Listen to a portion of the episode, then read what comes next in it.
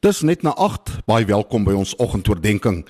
Ons skriflees vanoggend is Handelinge 5 vers 26 tot 32. Toe het die bevelvoerder en die wagte die apostels genaal, maar sonder geweld, omdat hulle bang was die volk steek onder klippe. Hulle het voor die hulle is voor die raad gebring en die hoërpriester sê toe vir hulle: "Het ons julle nie uitdruklik belet om die mense in hierdie naam te leer nie?" En nou lê die hele Jerusalem vol van julle leer. Boonop wil julle ons ook nog verantwoordelik hou vir hierdie man se dood. Petrus en die ander apostels het toe geantwoord: 'n Mens moet eerder aan God gehoorsaam wees as aan mense. Die God van ons voorvaders het Jesus uit die dood opgewek nadat julle hom vermoor het deur hom aan die kruis te hang. God het hom verhoog tot leidsman en verlosser aan sy regterhand sodat hy Israel tot bekering kan bring en hulle sondes kan vergewe. En ons is getuies hiervan. Ons en die Heilige Gees wat deur God gegee is aan die wat aan hom gehoorsaam is. Tot sover ons skriflesing vanoggend. Is dit dieselfde Petrus wat ons voor Paasfees geken het? Ek kan nie help om daaroor te wonder nie. Want voor Paasfees is Petrus die een wat 3 keer as iemand hom vra, of hy vir Jesus ken, dit ten sterkste ontken. En dit was nie belangrike invloedryke mense wat dit vir hom gevra het nie. Nee. Dit was sommer gewone mense wat daar buite by die vuur gesit het, 'n diensmeisie en twee ander naamlose mense. Mense met geen mag of status nie. Maar Petrus is te bang om te erken dat hy vir Jesus enigsins ken. En nou Na Paasfees is hier 'n heel ander Petrus. 'n Petrus wat elke dag helder oordag in die tempel voor almal praat oor Jesus. Petrus wat keer op keer belet word om oor Jesus te praat deur belangrike invloedryke mense, gevaarlike mense, dieselfde mense wat Jesus laat kruisig het. Maar niks kan vir Petrus stop nie. Hy hou net aan. Selfs al dreig hulle hom met die dood, selfs al al laat slaan hulle hom selfs al belet hulle hom om wie om hom weer eens uitdruklik om oor Jesus te praat. Net die volgende dag is Petrus weer besig om oor Jesus te praat. En nie in die geheim nie helder oordag in die tempel in huise voor almal.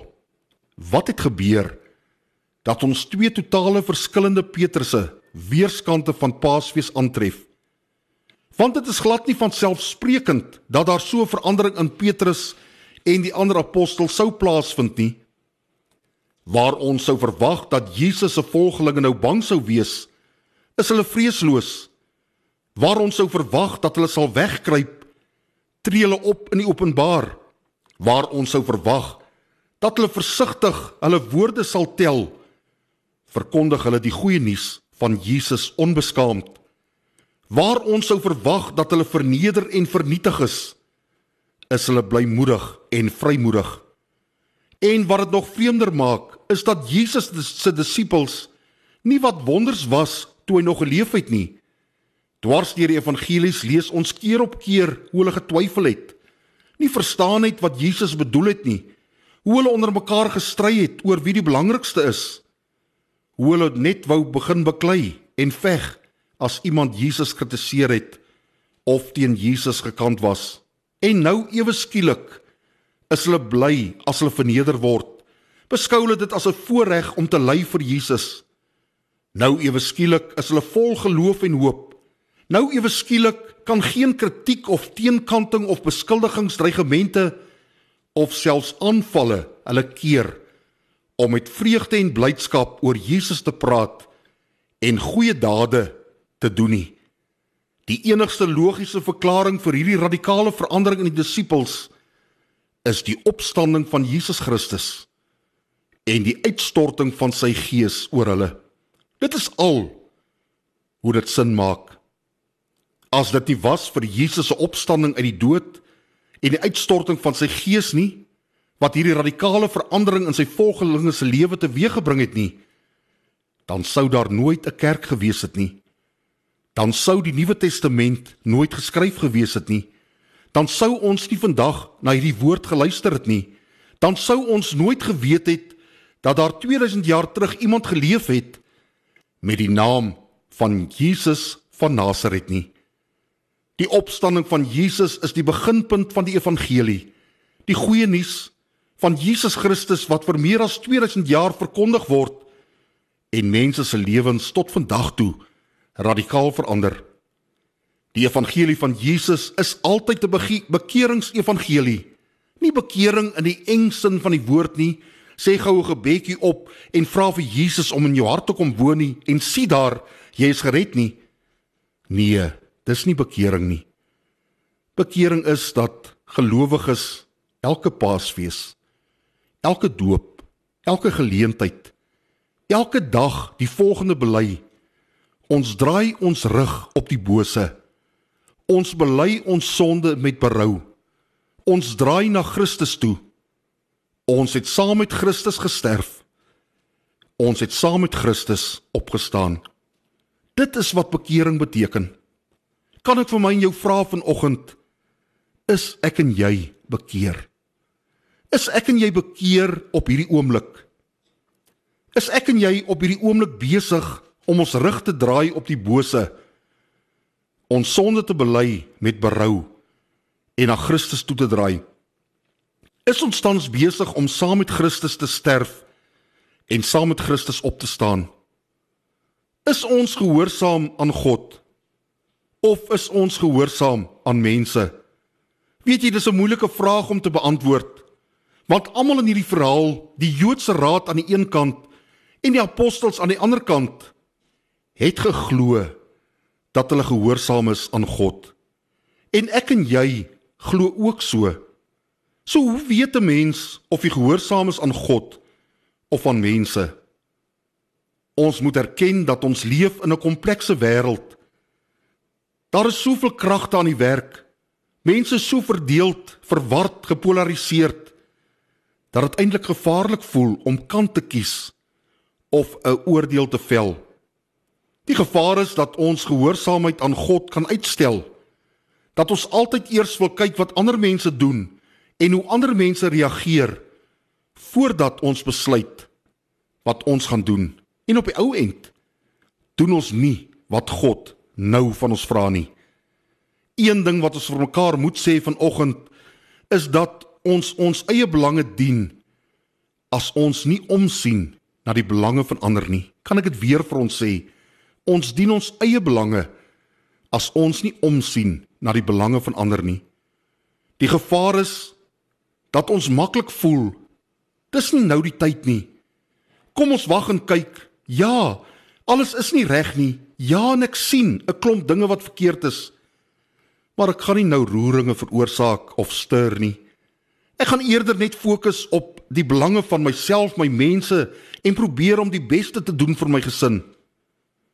Wat is dit wat maak dat ek en jy ons bekering of ons gehoorsaamheid aan God uitstel?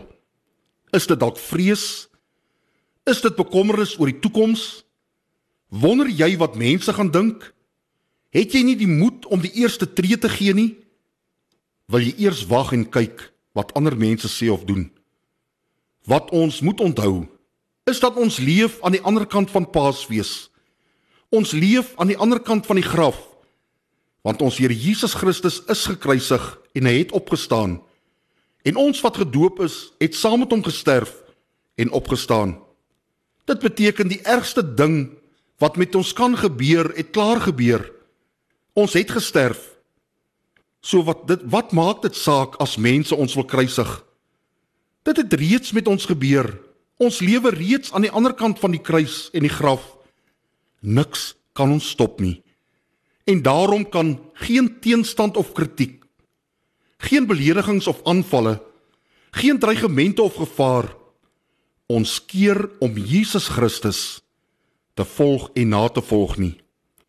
Ons weet die pad van gehoorsaamheid het geen waarborge nie maar soos Petrus sal ons ons verbly daarin as ons verneder word en ly ter wille van Christus. Want ons wil eerder aan God gehoorsaam wees as aan mense. Wat behels hierdie gehoorsaamheid aan God?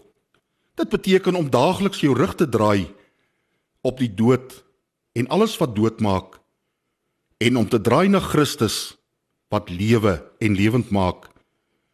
Draai jou rug op haat en weerwraak, op afguns en kompetisie, op onvergewensgesindheid en bitterheid, op vooroordeel en vernyn. Draai jou rug op alles wat seermaak, wat afbreek en afkraak. Draai jou rug op 'n lewe waarin jy jouself en jou mense probeer bevorder en bevoordeel ten koste van ander. Draai jou rug op alles wat doodmaak. En draai na Christus wat lewend en lewend maak. Hy lewe. Gee jou lewe sodat ander meer voluit kan lewe. Jy lewe nou ander kan die graf sonder vrees of bekommernis vir jou eie oorlewing. Ek en jy kan nou lewe met vrymoedigheid en blymoedigheid. Ons kan lewe met hoop. Ons kan positief lewe en lewegewend lewe verander. Die groot vraag vanoggend is: Is ek en jy nog dieselfde as voor Paasfees? Of het ons ook soos Petrus na Paasfees verander? Here Jesus, dankie dat U vir ons op Goeie Vrydag gesterf het en op Paasondag vir ons opgestaan het uit die dood. Help ons dat ons soos Petrus Petrus sal verander deur gedurig en onophoudelik oor U te praat, vir U te lewe en van U te getuig. Gee dat ons U en ander se belange voor ons eie belange stel en U daardeur verheerlik. Help ons om vrymoedig en blymoedig hoopvol te lewe en gee dat ons lewens positief inwerk op ander se lewens. Om u naams ontwil bid ons dit. Met danksegging. Amen